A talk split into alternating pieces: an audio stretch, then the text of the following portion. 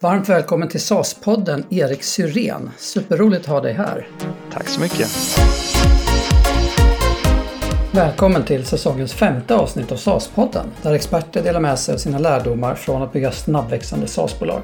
I dagens avsnitt träffar vi Erik Syrén, VD på Lime, som har varit med i bolaget från att de var sju personer till idag med över 280 anställda, kontor i hela Norden och Holland, börsnotering 2018 och en omsättning på över 250 miljoner kronor de första nio månaderna 2020.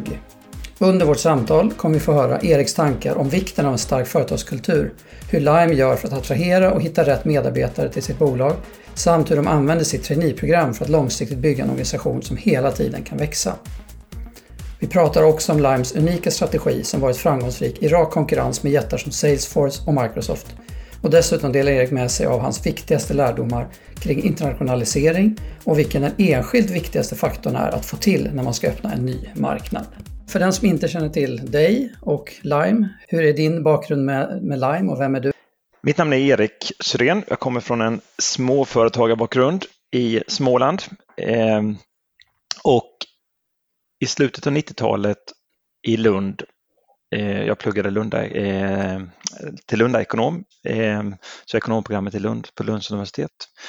Och eh, då hände det väldigt, väldigt mycket runt om universitetet och, och det var mycket i dotcom-eran.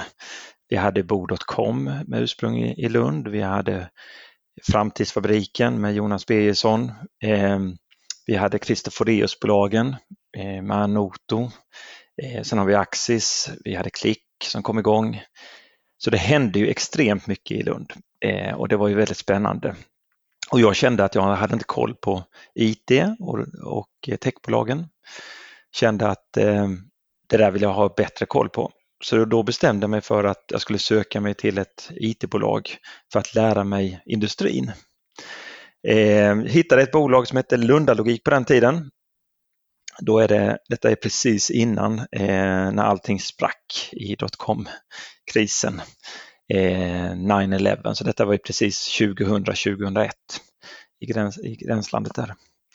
Och eh, kom in i ett litet, litet bolag. Vi var sju anställda då eh, som jobbar med CRM-system och ett CRM-system, det det gör är att vi, vi hanterar, vi gör företag till att de blir bättre på att hantera befintliga kunder och att de ska kunna sälja med både till befintliga kunder och nya kunder. Så kort och gott, utveckla, behålla och attrahera kunder.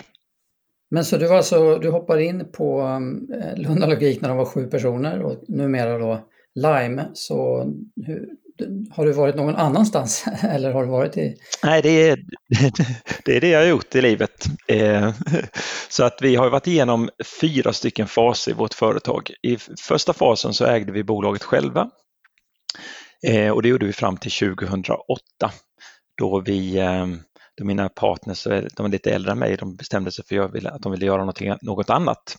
Så då, då såldes bolaget till en koncern som heter Bisnode data, data providers i Europa, ett, ett stort konglomerat och bolag. Ehm, och det var ju väldigt spännande att få vara del av ett bolag med 4500 anställda. Men känner man till Känner man till... Hur stort var Lime då ungefär? Vi var ungefär 60, 60 personer ungefär, 60-70 personer på den tiden. Och Bisnode var mycket större då? Ja, det var ju en, det var en jätte i förhållande till oss, då var 4500 anställda.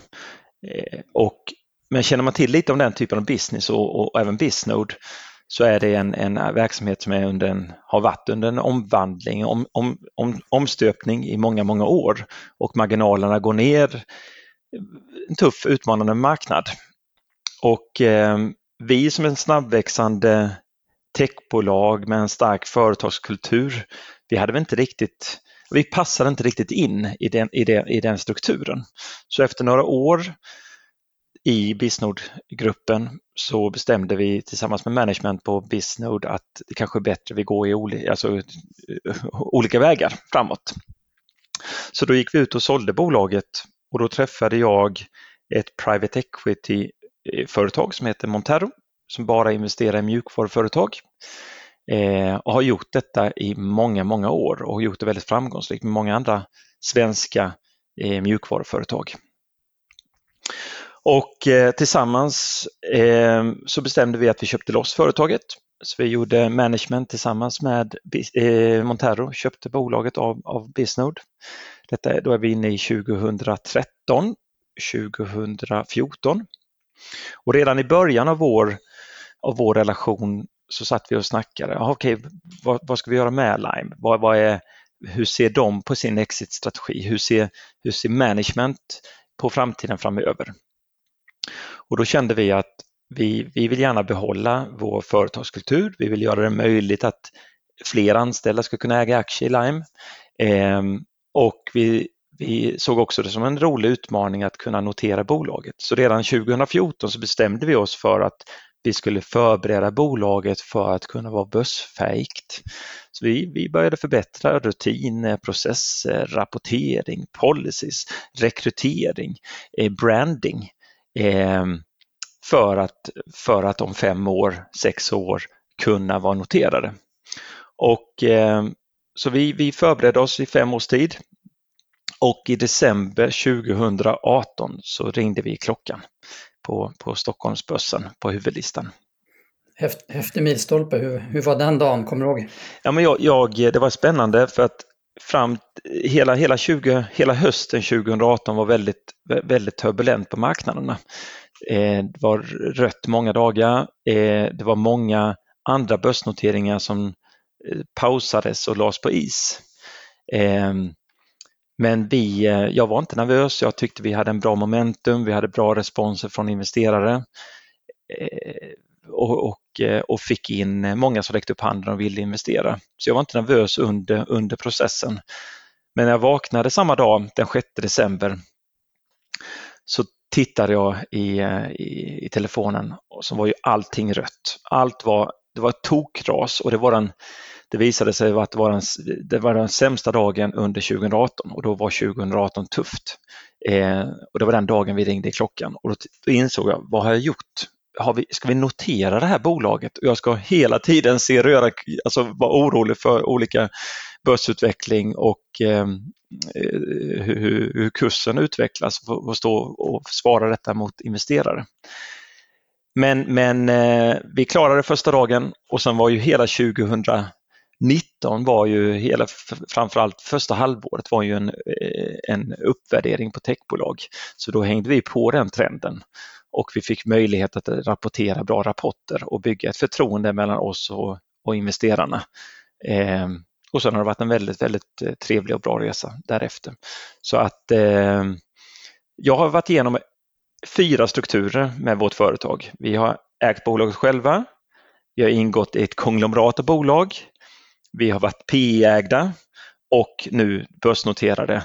Eh, men vi är samma bolag, vi är samma DNA i grund och botten. Vi, vi, har, vi har samma syn på våra kunder, vi, har, vi, vi, vi är väldigt fokuserade på värderingar och ett värderingsstyrt bolag med en stark företagskultur.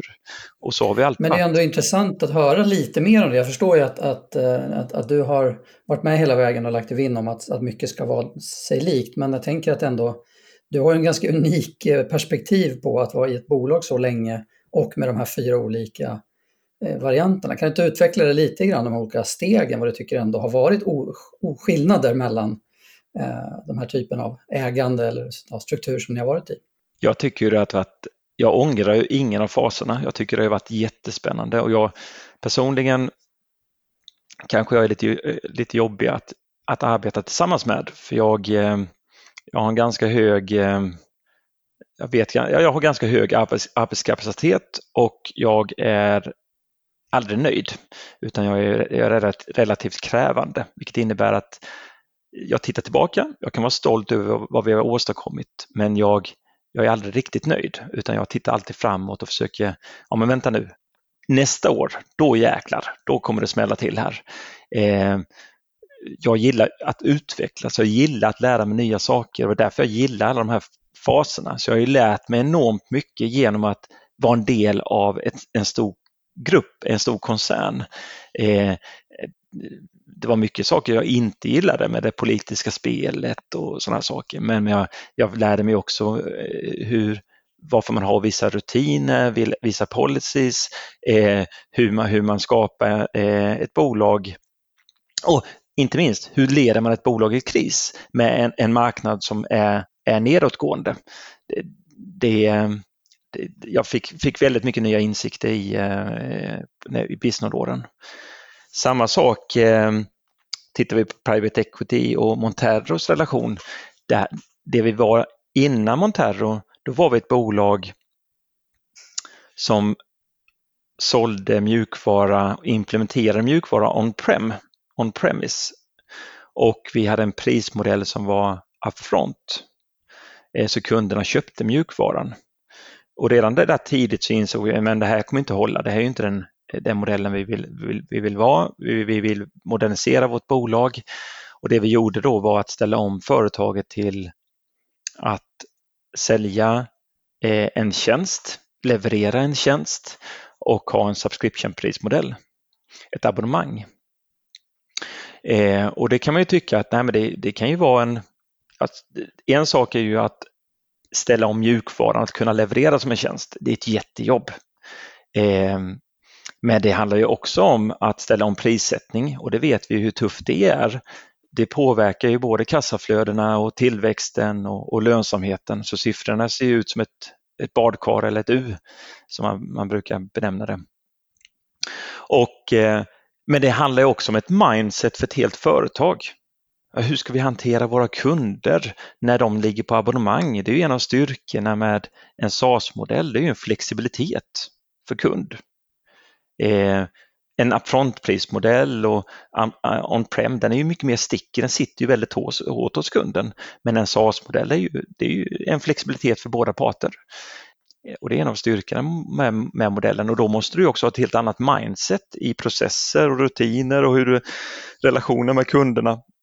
Och att kunna ställa om det bolaget, ställa om vårt bolag till att ha dem, det mindsetet, det har varit eh, en jätteresa. Och där har Montero hjälpt oss jättemycket. Jag kan tänka mig att också den långsiktigheten man får av en sån private equity-spelare som ju inte då kanske optimerar bolaget på varje kvartal utan man ser en, en långsiktig liksom värde, förändring av värdemodellen liksom i bolaget är, är avgörande om du ska göra en sån transformation. Och jag tror att om du, om du har en ägare som inte har en förståelse, som inte har sett en sån förändring och de ser att siffrorna viker, då tror jag de blir väldigt nervösa. Så det är ju väldigt, väldigt viktigt att ha en ägare som har en förståelse för och, och även kan pusha till att göra de här förändringarna. För det, det, är, inte, det är inte så lätt som management också när man ser alla vik, eh, eh siffror och KPI viker. Okej, okay, ska vi gasa nu eller ska vi hålla tillbaka?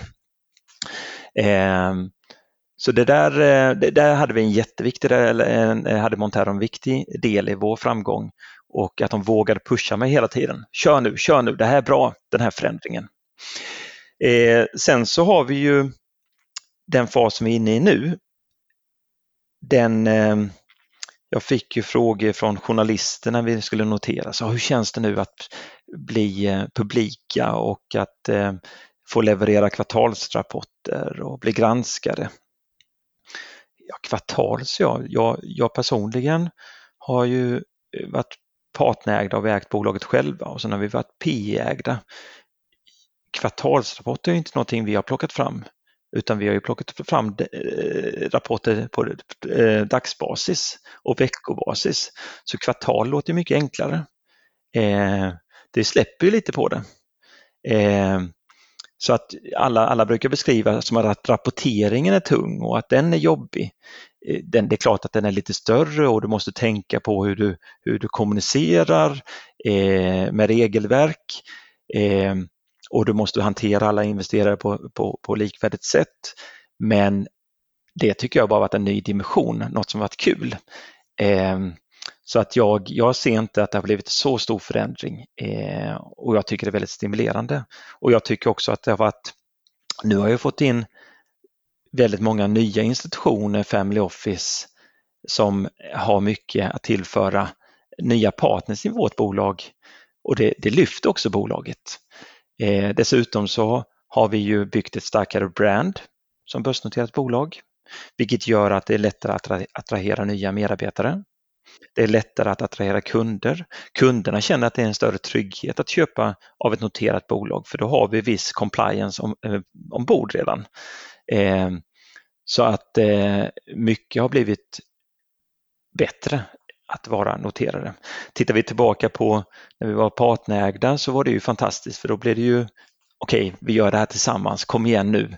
Men eh, så det var ju, det var ju mycket sammanhållning. Eh, men det var ju också så att man, min bedömning är nog att man, man såg det, man blandade ihop kanske till och med lite mer privat ekonomi och företagsekonomi. Vilket jag tror att då, då, då minskar man, då vågar man inte ta lika mycket risk. Eh, om och man kanske sänker takten lite grann. Eh, vilket kanske har hämmat oss lite grann att vi, vi hade kunnat gasa på mer under, under våra, våra första år som företag eh, om vi vågade lite till. Eh, och det är väl ett råd jag har att, att blanda ihop det där och eh, våga, våga gasa när ni har luckorna. Men, men alla faser, kort och gott, så alla faser har ju, har ju varit väldigt, väldigt givande och har lärt oss jättemycket. Så jag vill inte vara utan någon av faserna. Och hur har ditt eh, ägande förändrats i bolaget? Är du fortfarande delägare i Lime eller hur ser det ut? Absolut, jag är största ägare i Lime. Eh, så mitt, eh, jag tror ju väldigt mycket på pilotskolan som man kallar den. Det vill säga att, att management ska äga aktier i det bolaget man driver. Eh, jag, när jag träffade Monterro, eh, vi sålde ju 100% av Lime till, till Bisnode. Eh, så när, vi, när jag träffade eh, Monterro första gången så ägde jag inte några aktier i bolaget. Eh, och eh, Montero frågade mig om, om jag var intresserad av att köpa bolaget tillsammans med dem. Eh, och då sa jag absolut, jag vill ha x procent av bolaget eh, för det ska vara intressant. Och eh, då var inte de helt hundra på att okej, okay, ska vi göra den här investeringen eller inte? Men direkt när de hörde att jag var, var med och man, övrig management var med så sa de absolut, vi är med, vi går all in. Ehm, så då blev det nästan förhandling på andra hållet hur mycket management skulle få köpa och hur mycket Montero skulle få köpa. Så att eh, den pilotskolan är, är ju, det blir ju väldigt, väldigt att man har en gemensam agenda eh, man tror på det vi gör. Samma sak gjorde jag i IPOn. Eh, alla, alla potentiella investerare jag träffade frågade, okej okay, Erik, hur mycket säljer du nu? Eh, hur rik blir du? Nej, men jag säljer inte, jag köper. Eh, okej, okay, och på vilken värdering köper du? Jag köper på samma värdering som ni. Jag köper när vi, när vi noterar. Jag är en av ankrarna som ankrar eh, IPOn. Eh, ja, hur finansierar du det? Nej, men det gör jag via, via, via lån, via banklån. Eh, och det är klart att om, om management går in med pengar, de belånar sig och de tror så mycket på bolaget. Det är klart som en investerare, ja, men då, då, då är man med, då tar man rygg. Då tar man rygg på piloten. Och det har ju varit ett av mina syften med att notera bolaget. Det var ju att, att bli största ägare eh, och, och driva det här bolaget långsiktigt och det, det ämnar jag göra framåt också. Så att eh, Eh, och det, det är mycket av Lime-kulturen. Jag vill ju att alla på Lime känner det här är mitt företag. Det här driver vi tillsammans. Så alla vi anställda ska ju ha en viss entreprenörsådra i sig att vara med och driva ett företag. Oavsett om du har några aktier eller inte så är det ditt företag. Du är med och driver ett företag och du ska ta ansvar, precis som en ägare. Hur ser det ut ungefär för er nu med, med ägande i, i, ledning och, personal på Line? Ja, men vi, vi, tillsammans är vi största ägare eh, och vi, vi äger ungefär ja, strax över 20 procent tillsammans. Eh, Eh, och ja, det, svåra nu, även och detta är ju rätt konstigt, att 2020 så är det svårt att få en ägarlista i ett publikt bolag. För det finns så mycket ISK, det finns så mycket kapitalförsäkringar, det finns så mycket sätt att gömma, gömma sig bakom. Så det, det, är, det är svårt att se alla namn, eh, hur många som äger. Eh, så jag vet inte riktigt hur många anställda, men, eh, men det är ju min, det har varit ett av syftena att, att ge möjlighet att så många anställda som möjligt ska kunna köpa aktier och äga bolaget. Men oavsett om de äger eller inte så, så vill, jag ha, vill jag ha att de har mindset att vi äger det här bolaget tillsammans. Det är vårt företag. Mm. Men ska vi glida över till det då? För det är en annan intressant del av, eh, av Lime och din resa som, som jag har stött på i andra sammanhang. Och vi hade ju en, en meetup för ett par år sedan när du pratade om, om Lime och företagskultur och lite grann hur ni jobbar med, med den och, och, att den är väldigt central för dig i ditt sätt att, att bygga Lime. Så kan du inte utveckla lite grann? Vad är, vad är företagskulturen och varför är den så viktig för dig och Lime? Om, om jag fick frågan vad är det som har skapat Limes framgång? Eh, vad, när var det det hände? Eh, så brukar jag svara, då börjar, brukar jag komma tillbaka till kulturen eh, och människorna. Det, för det, det, det är mycket där vi kommer ifrån.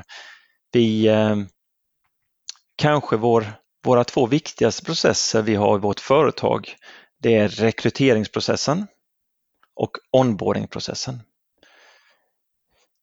Rekrytering varför är det så viktigt då? Och då till att börja med så träffar jag alla vi anställde och vi är strax över 300 medarbetare idag. Eh, vi sitter i hela Norden och i Holland. Tittar på nya marknader hela tiden. Eh, vi växer med ungefär 20% i snitt per år de senaste 20 åren och vi har levererat 25% i bitamarginal. Så att eh, till att börja med så har det aldrig hänt för Lime. Det har aldrig varit en sån här rakethockeystick, utan det har varit ett kämpande år efter år efter år. Långsiktig lönsam tillväxt, det är vad vårt företag handlar om. Och Det handlar väldigt mycket om att, att skapa ett stabilt bolag som har förmåga att växa långsiktigt. Eh, och då måste man skapa strukturer, processer, roller som man kan växa in i. Så vi ska ha en organisation som vi kan växa in i nästa år. Så vi måste hela tiden ha ett, ett framåttänk. Okej, okay, hur ser vårt bolag ut nästa år? Hur stora måste vi vara? Hur, hur ska den här avdelningen se ut? Så vi har egentligen lite för höga kostnader i år jämfört med hur stora vi är i år. Utan vi tänker hela tiden i ett större perspektiv. Ehm, så rekrytering blir därmed jätteviktigt för oss att, att ha en kompetensförsörjningsmodell. Hur försörjer vi oss med kompetens hela tiden? Och redan från början så har vi, precis för jag kommer ifrån, eh, försökt rekrytera väldigt mycket från Lunds universitet. Att hitta eh, bra studenter som har rätt värderingar, rätt driv att vara med och driva vårt företag framåt. Rätt personlighet. Eh, vi har inte varit så fokuserade på vilken utbildning de har. Det viktigaste är att de har en utbildning. Sen om de är ingenjör, maskiningenjör eller industriell ekonomi eller om de är systemvetare eller ekonom eh, har haft mindre betydelse. Utan det viktiga är vilken kompetens har du, vilken personlighet har du, vilka värderingar och vilket driv har du framåt. Eh, I år har vi haft över 4 000 personer som har sökt jobb på Lime. Det är ganska mycket. Vi har hittills i år rekryterat ungefär 70-75 personer. Vi eh, rekryterar till två stycken stora om, eh, kullar, två stycken stora eh. eh en, en som börjar i januari och en som börjar i augusti. I augusti nu så hade vi över 40 personer som började. Rekryteringen för att hitta rätt personer eh, gör vi väldigt noggrant. Eh, och det, vi ser det som en kvalificering för både den som, vi, som söker jobb och en, eh, en, en kvalificering även för oss. Första, första steget handlar om att vi gör en speed dating. Då samlar vi en gruppering av en grupp av människor som har sökt jobb på våra kontor. Vi presenterar vårt företag. Vi presenterar tjänsterna vi söker. Vi, vi presenterar våra, våra värderingar och så presenterar vi vad, vi vad vi gör under vår rekryteringsprocess. Och sen så har vi fyra stycken stationer med tre, styck, tre minuters case, case per station. Och en station kan vara, ett case kan vara att du ska inreda, eh, inreda ett badrum på en och en halv kvadratmeter. Och det här, här finns det alla typer av, av lösningar men om det kommer en designintresserad så jobbar den väldigt mycket med färg och form och tar olika pennor och målar på, på en whiteboard. Eh, om det är en lite mer ingenjörspersonlighet eh, kanske man börjar mäta och försöker få det skalen, skalenligt. Eh, och eh, om det är en innovatör så kanske man hittar på några innovationer kring duschen och toaletten, att de sitter ihop och ja, vad det nu är för någonting. Eh, lösningen på caset är ganska enkelt. Jag ska inte avslöja den här idag, men, men eh, det, det, är väldigt intressant att se. Och sen har vi eh, tre, ytterligare tre sådana här case vi gör. Eh, ett annat case kan vara att, att man får berätta om sig själv eller vilka, vilka drivkrafter eller det bästa minnet man, man har i livet. Så det är lite olika övningar. En annan övning det är att se hur man hanterar de andra som söker jobb. Minglet emellan casen är är en jätteviktig del. Så att, att man hanterar rätt, alltså att man, att man både minglar runt och pratar med alla men att man också pratar med Lime-medarbetarna och ställer, ställer relevanta frågor eh, till dem. Att man visar att man vill ha det här jobbet. De som går vidare till nästa steg, de får göra ett case. De som får tre dagar på sig att förbereda att sälja in Lime, våra produkter, till en liten ledningsgrupp på 20 minuter. Och då måste du investera rätt mycket tid för att kunna sätta det caset. Och sen övergår tredje momentet är en djupintervju. Sen kommer personlighetstester och sen sista steget är att träffa mig. Och mitt steg är väldigt, väldigt enkelt. Det är, det är att sitta och snacka och lära känna varandra. För jag tycker att det handlar om en respekt att om du nu ska committa många år i, i din karriär till Lime så ska du veta vilka vi är och vem, vem som är VD i företaget och vad jag är för, för tjomme. Eh, och likadant så vill jag ju veta vem den här personen är och vad har, vad har, den, här, vad har den personen haft för bakgrund och vad, vad är det som har format och vad är drivkrafterna? Så det är väldigt, väldigt mycket ett avslappnat snack, eh, samtal där vi pratar om livet, eh, vad som har hänt men också framåt, vad, vad, vad, vilka drivkrafter vi har. Eh, och det gör ju att jag känner ju alla personligen. Eh, jag lär känna dem via namn, jag, jag vet var de kommer ifrån, jag, jag vet vad som är tuffaste ögonblick i livet, jag vet, vet vad de, vilka drivkrafter de har framåt. Och det gör ju att vi fortsätter bygga en platt organisation. Det är lätt att komma in till mig, vi känner ju varandra eh, och jag kan namnet på allihopa. Eh, och de får, de får möjligheten att kvalificera oss och mig och jag får möjligheten att kvalificera dem. Eh, så att, eh, och det är lite så vi håller ihop vår företagskultur också. För det, vi är väldigt noggranna att välja rätt personer som vi vill ha in i företaget, som passar in i företaget. Och det blir lite ett pussel att lägga på varje kontor. Ja, men vi behöver ha den här typen av personlighet i det här kontoret nu. Vi behöver lite mer driv i den här frågan. Eller vi behöver ha eh, lite mer lugn, någon som är eh, mer omhändertagande. Så det är hela tiden ett, ett, ett pussel man lägger för att få ihop allting. Eh, så att det är också ett tips att ge till många startups. Det är att hitta en kompetensförsörjningsmodell.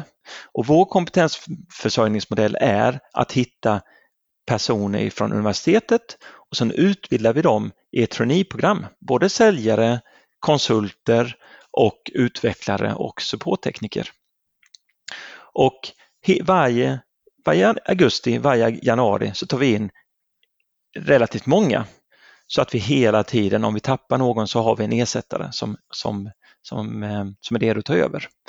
Eh, och det är så vi hela tiden tänker ett år i förväg så vi har resurser som, som är redo att få oss att växa. Och jag brukar säga att jag kan nästan korrelera vår tillväxt om tre år med hur bra årets kull är.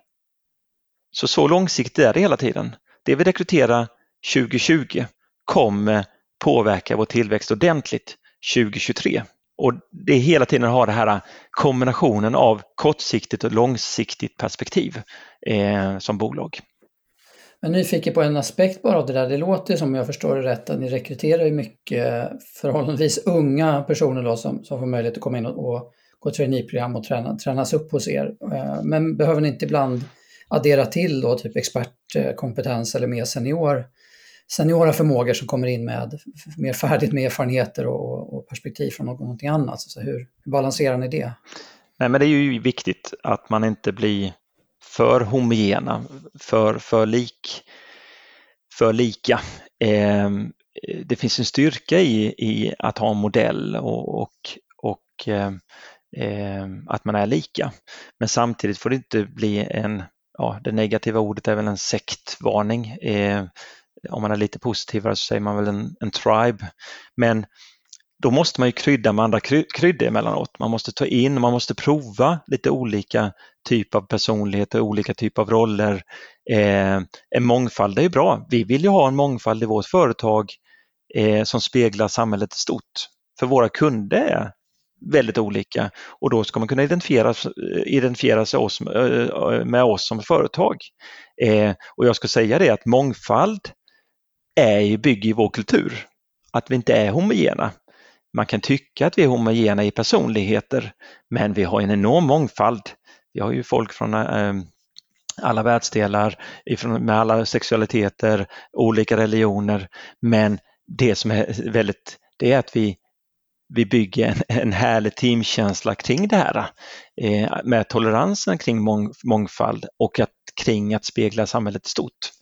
Eh, men med det sagt, vi måste krydda och måste hela tiden utmana oss att hitta, hitta lite nya olika typer, eh, seniora, eh, exper, exper, eh, olika expertis eh, för att få in den här mångfalden också.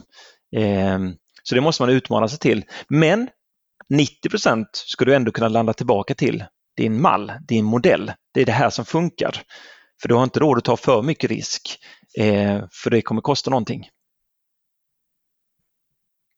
Och vi pratade innan här du och jag lite grann om eh, vad är en SaaS-business? Eh, vet att du eh, hade fastnat på någon kommentar som, som vi fällde här på Breakit eh, häromdagen och, och eh, jag tänkte att du skulle få chansen här att förklara eller, eller utmana mig och, Stefan där på vad är en SaaS-business? Vad, är din, vad är din definition av en SaaS-business? Eh, en fördel jag har Johan är att jag inte är långsint, så jag glömmer bort saker och ting. Så att jag, jag har slätat över den.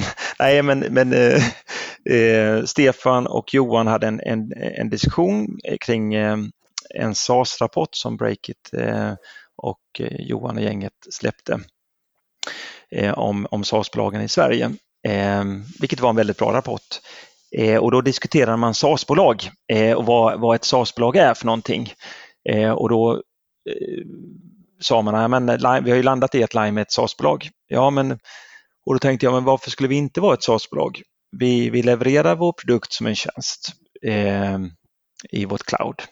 Vi, ehm, vi kan leverera det i, i, i, ett private cloud för kunden om det är så, om de vill det. Men, men den normala modellen är att vi levererar i vårt cloud och vi har en subscription-prismodell. Ja, för mig är ju att leverera mjukvara som en tjänst, eh, det är SAS. Eh, sen så är det ju så att vi, vår, vår stora mjukvara Lime, Lime CRM är ju väldigt flexibel. Den kan man anpassa efter våra kunders behov och processer och rutiner. Och det är styrkan i den produkten jämfört med många andra SaaS-produkter som är väldigt standardiserade. Eh, och det är klart att levererar du en, standard, en standardiserad produkt så kanske den är mer skalbar. Det kanske går snabbare och du får bara in mjukvaruintäkter. Eh, vår modell är ju att vi levererar tjänster ihop med, med, eh, med vår mjukvara. Så vi hjälper kunden att lyckas med sitt införande. Vi kan integrera det med content management system, ERP-system. Vi, eh, vi konfigurerar flöden i produkten och anpassar det till, till kunden. Vi, eh, vi utbildar kunden och ser till så att de lyckas med införande. Vi migrerar data ifrån gamla system in, in i våra produkter. Så vi har ju konsulttjänster för att säkerställa att kunden lyckas, att lyckas med sitt användande.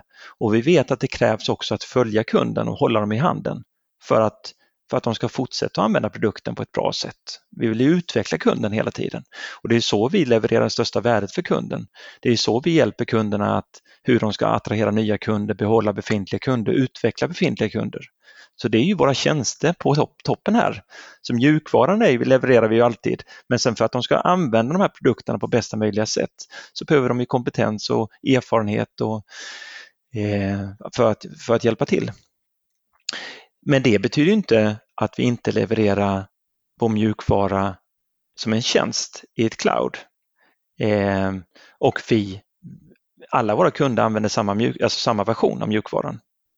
Vi tillhandahåller IT-säkerhet, eh, drift, uppgraderingar eh, och så vidare och så vidare. Det är vi som står, står för det som leverantör. Men vi har tjänster på toppen. Eh, och det tycker jag nog är en, en vanlig...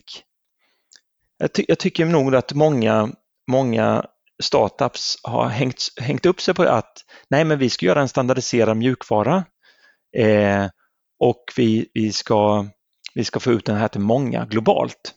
Att det är det som är det huvudfokus för att det är det, det, är det som är, det är SAS.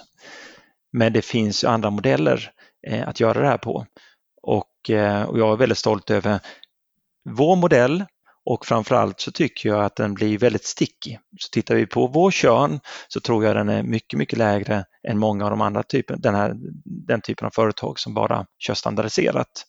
Jag, eh, jag ser också att vi skapar större värde för många av våra kunder genom att vi, vi håller hårdare i, i kunden och hjälper dem mycket längre.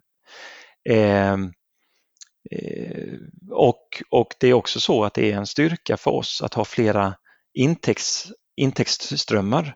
Alltså att ha en, en expert service-intäkt är, inte, är inget fult, eh, utan du kan ha en bra lönsamhet på den också. Eh, och framförallt så kommer du tillföra kunderna massa värde eh, och då behåller du kunden och då får du en lång LTV och det, det, det är bra för marginalerna långsiktigt. Eh, så det är väl en sån sak jag vill utmana många att börja försöka tänka om. Du och jag pratade om det innan också att många av de här SaaS-bolagen, ja men hur, hur fixar de onboarding då? Ja men det gör vi, eh, det inkluderar vi i abonnemanget. Ja okej, okay. ja, men då har ni onboarding, ni har ju konsulter. Och då kan man ju diskutera bruttomarginalen på det, hur man ska räkna bruttomarginalen eh, på de här Customer Success-medarbetarna som hela tiden ligger tight och måste utbilda och onboarda eh, nya, nya kunder. Är det en konsulttjänst eller är det en del av din din, din mjukvara. Ja, och det är ju något, det är ett, ett, nästan ett eget ämne som man kan djupdyka i. Hur räknar man bruttomarginal i, i ett SAS-bolag? Liksom, alltså, vad, vad, lägger man in för, för kostnader var någonstans? Och då det, det brukar ju märkas, inte minst när, när SAS-bolag börjar växa, så ser man liksom var någonstans, eh, håller det där ihop och var någonstans är det faktiskt så att, som du säger, CS-avdelningen behöver också växa nästan lika mycket som, som uh, intäkterna var då då är frågan vad är skalbarheten då? Ja, är den en fast kostnad eller är den en rörlig kostnad? Eh, och, och det är ju också någonting som alla, ja men ett, ett mjukvaruföretag ska ligga närmare 100% i bruttomarginal. Ja, men så är det ju inte för alla, alla mjukvaruföretag. Det, det, det viktigaste är ju att vara ärlig mot sig själv och se hur det ser ut. Eh, och det är väl att du gör ju inte, du, du bygger ju inte, du ska inte bygga ditt bolag med en exit-strategi. Du ska ju bygga ett bolag för att det finns ett verkligt problem ute på marknaden som du vill fixa. Eh, det finns ett, en svordom eller ett problem, ett pain ute på marknaden som det ska jag verkligen, det är ju missionen, det ska vi fixa. Eh, det är så du måste i grund och botten tänka eh, och så får du inte lura dig själv på vägen dit. Jag håller helt med och då kanske vi glider över tycker jag på, på nästa del här som, som är intressant att höra som jag vet på, på med Lime. Ni är ju då CRM-leverantör och jag tror går man in på Crunchbase och skriver CRM så får man väl upp 10 000 CRM-system i världen. Och det finns Microsoft och det finns Salesforce och så vidare. Om, om, eh, om du ska förklara för mig vad, vad är liksom Limes unika strategi och vad är det ni har hittat för någonting som, som gör att ni lyckas så himla bra som ni ju gör Eh, i den här konkurrensutsatta världen? Vad, vad består er strategi av? Vi tävlar ju mot de två giganterna Salesforce och Microsoft. Det är ju eh, det är ju få dotcom-bolag eller eh, SaaS-bolag, förlåt mig, eh, som, eh, som har lyckats bättre än Salesforce. Det är, ju, det, är ju, det är ju helt otroligt, så jag kan inte sitta här och säga att de har gjort någonting tokigt, utan snarare tvärtom. Det jag, är, jag är väldigt imponerad och jag tycker de gör det väldigt, väldigt bra. Så det är ganska häftigt att, att kunna konkurrera med Salesforce och Microsoft och till och med slå dem på vår hemmamarknad vi är, vi är ju, räknar, ni, räknar vi i antal människor som jobbar med CRM, räknar vi i omsättning, räknar vi i antalet kundinstallationer så är, så är vi större än de här på svenska marknaden. Det är inget snack. Det är inget snack. Det, det, eh, sen så är vi ju fortfarande väldigt små i Norden och Europa. Så att vi, vi gillar ju inte att se oss själva som marknadsledare. Vi är en utmanare. Vi, vi är den ettriga terriern på marknaden som, ja, vi kommer där och är hungriga. Och det är så vi ska, vi ska vara utmanare hela vägen. Eh, det som vi, varför vi har ett existens, existensberättigande på marknaden, det är att våra konkurrenter jobbar väldigt ofta via en indirekt kanal. De jobbar via partners. De jobbar med Accenture, Capgemini, Deloitte som säljer och, och implementerar deras, eh, deras produkter. Vi däremot, vi gör allting själva. Vi utvecklar systemen, vi säljer systemen, vi implementerar systemen och vi hanterar supporten av systemen. Det innebär att utvecklingen sker här i Norden och vi kan anpassa vår mjukvara hela tiden efter vår, vår målgrupp. Vi, har, vi, vi fokuserar på SME och fyra vertikaler.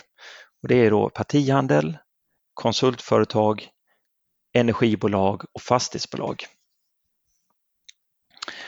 Eh, och tittar man på energibolagen i Norge så använder de, har de lite olika flöden jämfört med svenska bolag och finska bolag. De har andra bildningssystem. De använder helt annan mjukvara, vilket gör att ska du vara expert på energibolag så måste du veta hur norska energibolag jobbar på marknaden. Eh, samma sak gäller fastighetsbolagen till exempel. Och vi kan anpassa vår roadmap efter vår målgrupp. Men om du har en global strategi så kommer inte det vara lönsamt. Det är för alldeles för litet segment för Microsoft eller Salesforce att foka på. Eh, vi säljer systemen lokalt. Vi vet, vi har lokala säljare som talar samma språk som våra kunder. Norska, finska, danska, eh, holländska, svenska. Vi gillar att besöka kunderna. Så har vi en kund i, i Gislaved eller i, eh, i Skellefteå. Vi gillar att åka upp till de här kunderna inte en gång, utan många gånger och träffa kunden och bygga en relation. Det är samma sak, vi åker gärna upp till Tromsö, norra, norra, norra Norge för att träffa kunderna.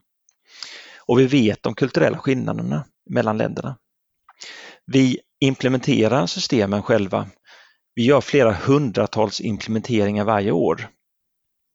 Flera hundratals bolag, företag köper våra produkter och det är klart att om vi kommer in där och hjälper dem med deras säljprocesser, hur de ska hantera sina kunder, då bygger vi upp en massa erfarenhet.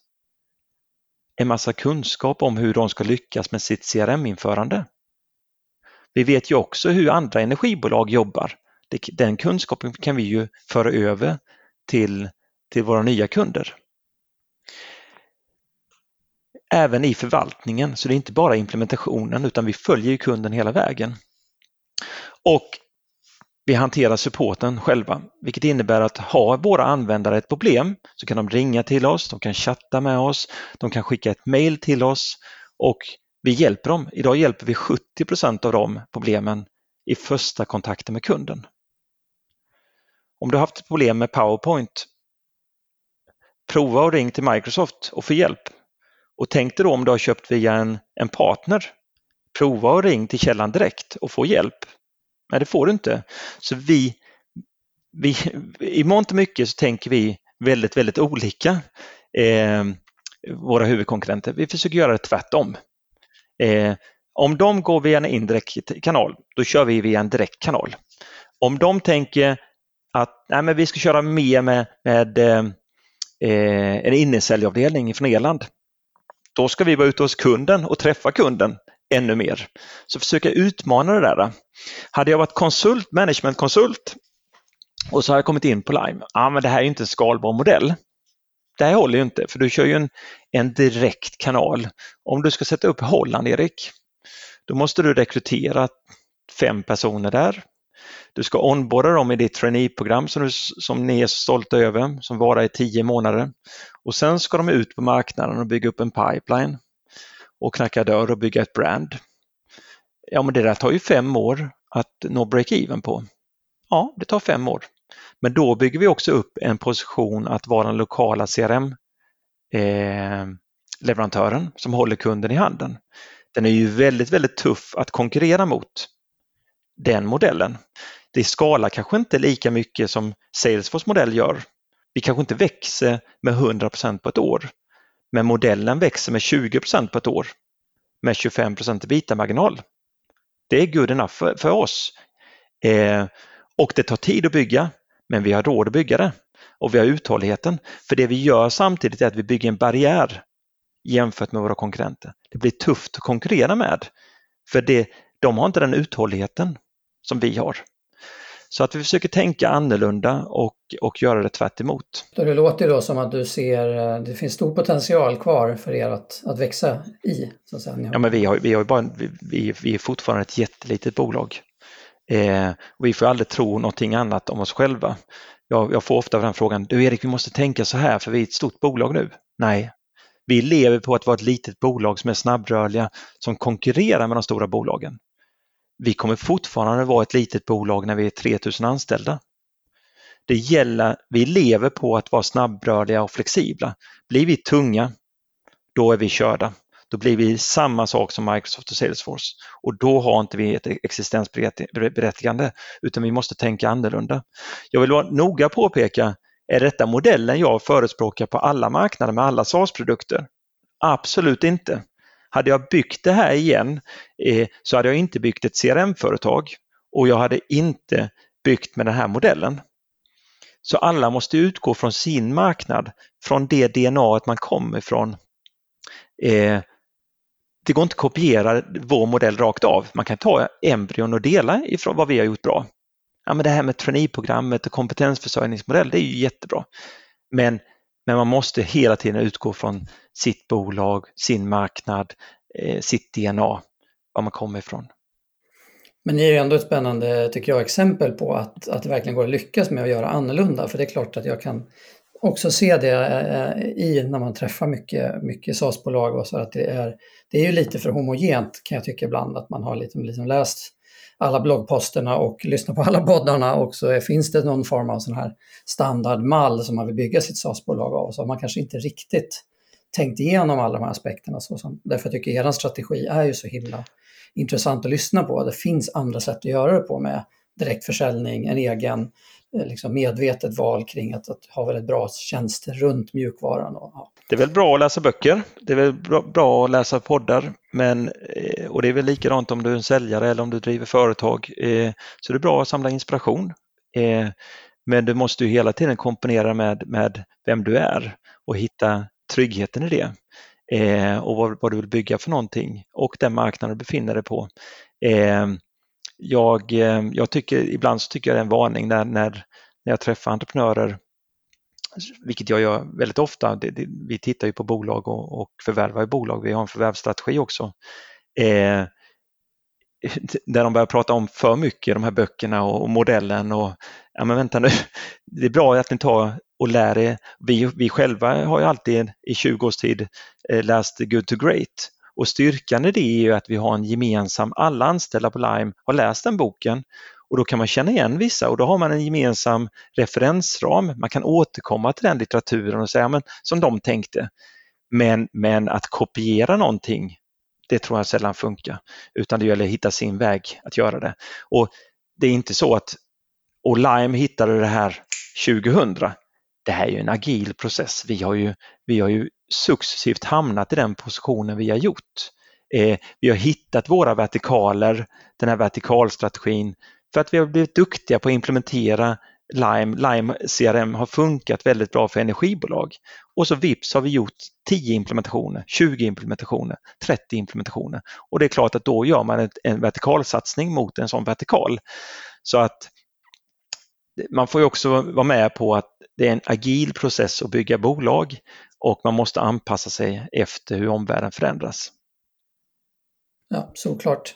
Okej, vi ska börja eh, runda av, men innan vi kommer till de fem snabba så tänker jag ändå att vi måste få höra lite kring dina lärdomar att internationalisera ett svenskt mjukvarubolag. Nu har ju ni kontor i flera länder, till och med utanför Norden. Kan du inte ta oss igenom lite grann när ni började internationaliseras och, och vad ni har lärt er och vilken modell som funkar för er?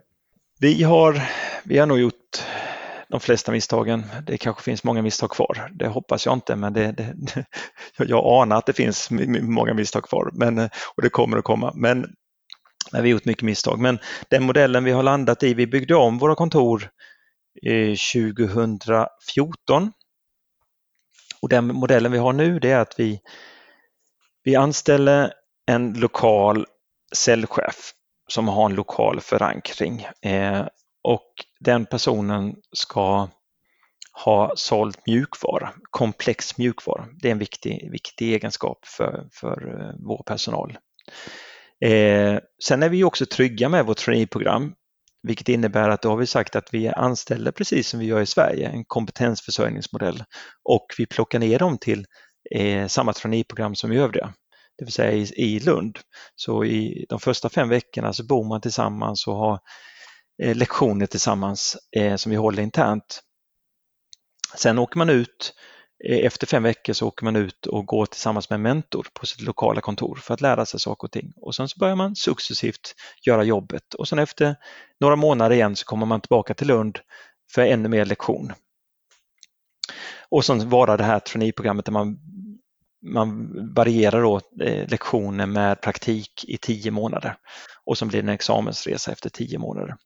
Den modellen har vi ju insett att den här kompetensförsörjningsmodellen funkar. Och den kör vi också med på våra eh, marknader utanför Sverige. Så vi hittar en senior person som blir försäljningschef och sen försöker vi ta in eh, traineer, både säljare och konsulter som kan sälja och implementera våra produkter och förvalta våra kunder. Eh, Dessutom så tar vi två personer. Vi tar en, en, en säljare och en konsult ifrån moderskeppet och så får de komma över till det landet och hjälpa dem att bygga kultur, att hjälpa dem med pre-sales, att, att eh, vara med och knacka dörr och visa limevägen. Men de personerna bygger vi inte på långsiktigt utan de, de kanske är där ett år, ett och ett halvt år och så plockar vi hem de missionärerna när, när vi känner att kontoret är moget, moget för det. Så vi har ju hittills gjort eh, våra kontor, kontorsutbyggnader utanför Sverige Greenfield. Och egentligen så är det inte så stor skillnad mot att öppna ett Göteborgskontor eller Stockholmskontor jämfört med att öppna ett Oslokontor eller Helsingforskontor eller Köpenhamnskontor. Och det är så vi ser det. Vi ser ingen hierarki mellan våra kontor. Eh, ibland får jag höra att ni har, jag åkte ner till HK, eh, huvudkontoret i Lund. Men vi har inget huvudkontor. Det finns ingen hierarki. Vi är lika mycket värda alla kontoren. Eh, och vi har inget bolag i Norge eller Finland eller Danmark. Ja, på pappret har vi ju det, men vi har kontor. Och de är lika mycket värda som Göteborgskontoret och Stockholmskontoret. Och, och vilket tidsperspektiv har ni sett att man behöver ha då när man för det här, kommer ju, det här kostar ju en slant att anställa de här personerna och träna upp dem på er modell. För oss kostar det ungefär mellan 20 till 30 miljoner att öppna en ny marknad och det tar fem år att komma dit, att nå break-even. Så det är väldigt, väldigt långsiktigt. Eh, så vi, vi, vi vet att det tar, tar, tar tid att öppna bolag, det tar tid att öppna ett nytt kontor tar nästan lika lång tid som att eh, ibland så brukar jag säga att ja, men, tycker vi att vi har gjort Sverige på ett bra sätt? Mm, det tycker vi ofta. Ja, men då, då ska vi förvänta oss ungefär samma sätt när vi sätter upp Norge eller Finland eller Danmark eller Holland. Det, vi kan nog inte göra det mycket, mycket snabbare utan vi ska, när vi går in i det så måste vi göra det långsiktigt och veta att det kostar pengar och vara villig att investera pengar. Annars så är risken att du har hoppat av det där många gånger om på vägen. Så att, så att någonstans hade en, en, en person i min närhet som, som, som sa att när jag öppnar nya marknader så tittar jag alltid efter personligheten. Jag letar efter rätt person. Och när jag hittar rätt person, rätt säljchef eller rätt entreprenör, då går jag in och investerar. Men det spelar ingen roll storlek på marknaden eller hur våra vertikaler är eller konkurrensen, utan vi går alltid efter person. Och jag gillar det mindsetet, att hittar man rätt person så blir det ofta rätt bra. Verkligen. Ja, det var ju väldigt eh, tänkvärt. Alright, superbra Erik. Eh, tiden springer iväg men vi har täckt över av en massa intressanta delar av Lime och som vi alltid gör här i SAS-podden så avslutar vi med våra standardfrågor som är mycket efter, eftertraktade bland våra lyssnare. Eh, och de är de fem snabba om SAS. Så vi sätter igång här. När hörde du först talas om SAS? Jag har ju tävlat, vi har ju konkurrerat med Salesforce sedan 1999.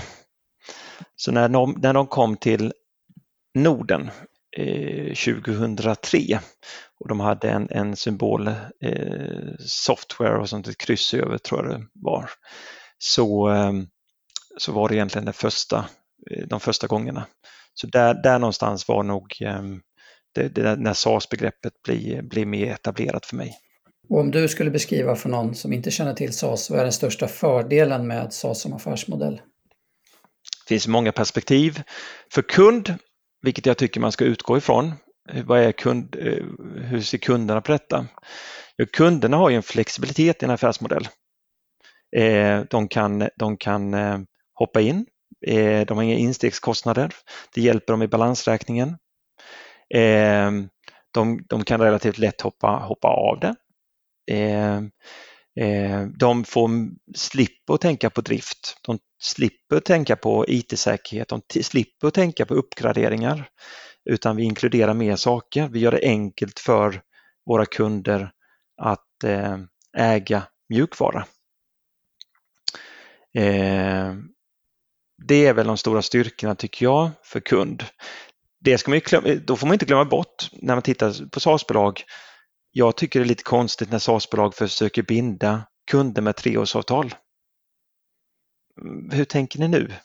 Ni försöker ha en upfront-modell för att det passar i ett kassaflöde. Men, men, och ni vill ha en stickiness i produkten.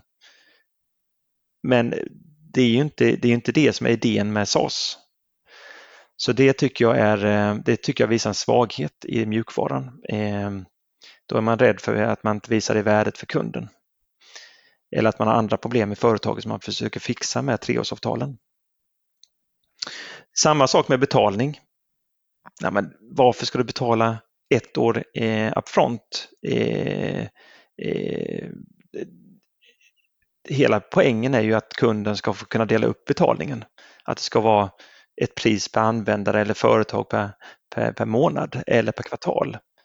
Eh, så att det där tycker jag är, man ska inte ha för långa, det är klart man måste ha avtal om man har en Enterprise-affär, men det får inte vara för långa avtal och det måste ha en flexibilitet hos, hos kunden. Så jag tycker man måste utgå för, från kundperspektivet.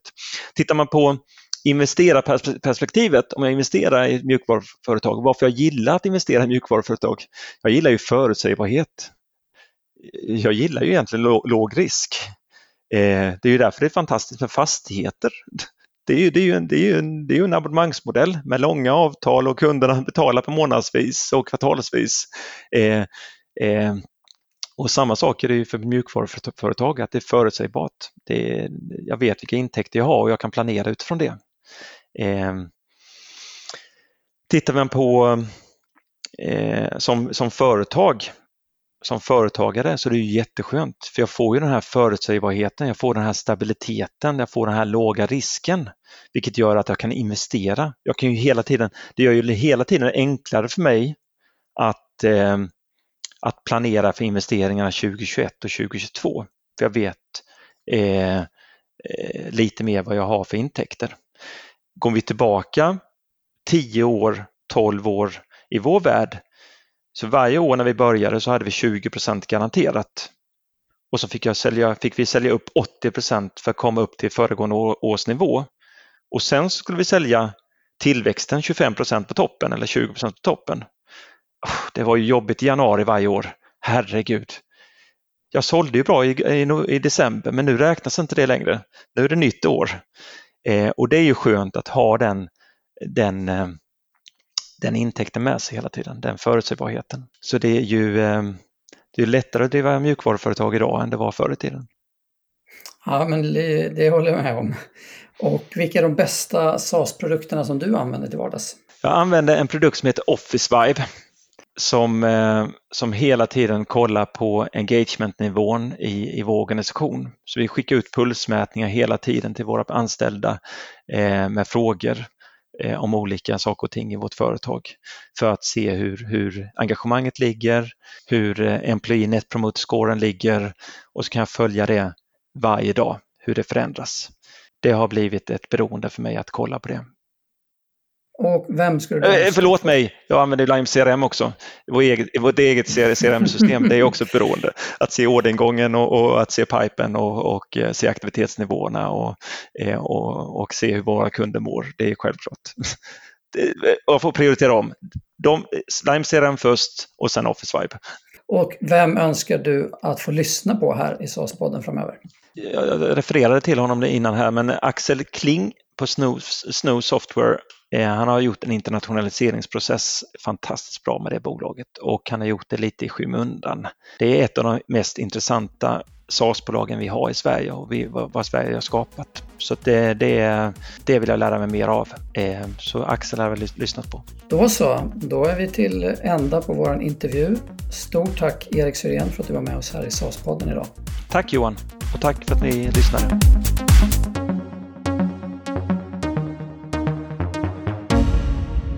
Tack för att ni har lyssnat på säsongens femte avsnitt av SAS-podden. På www.cloudcapital.se SAS-podden hittar du alla avsnitt av podden. Jag heter Johan Krona. Om två veckor är podden tillbaka.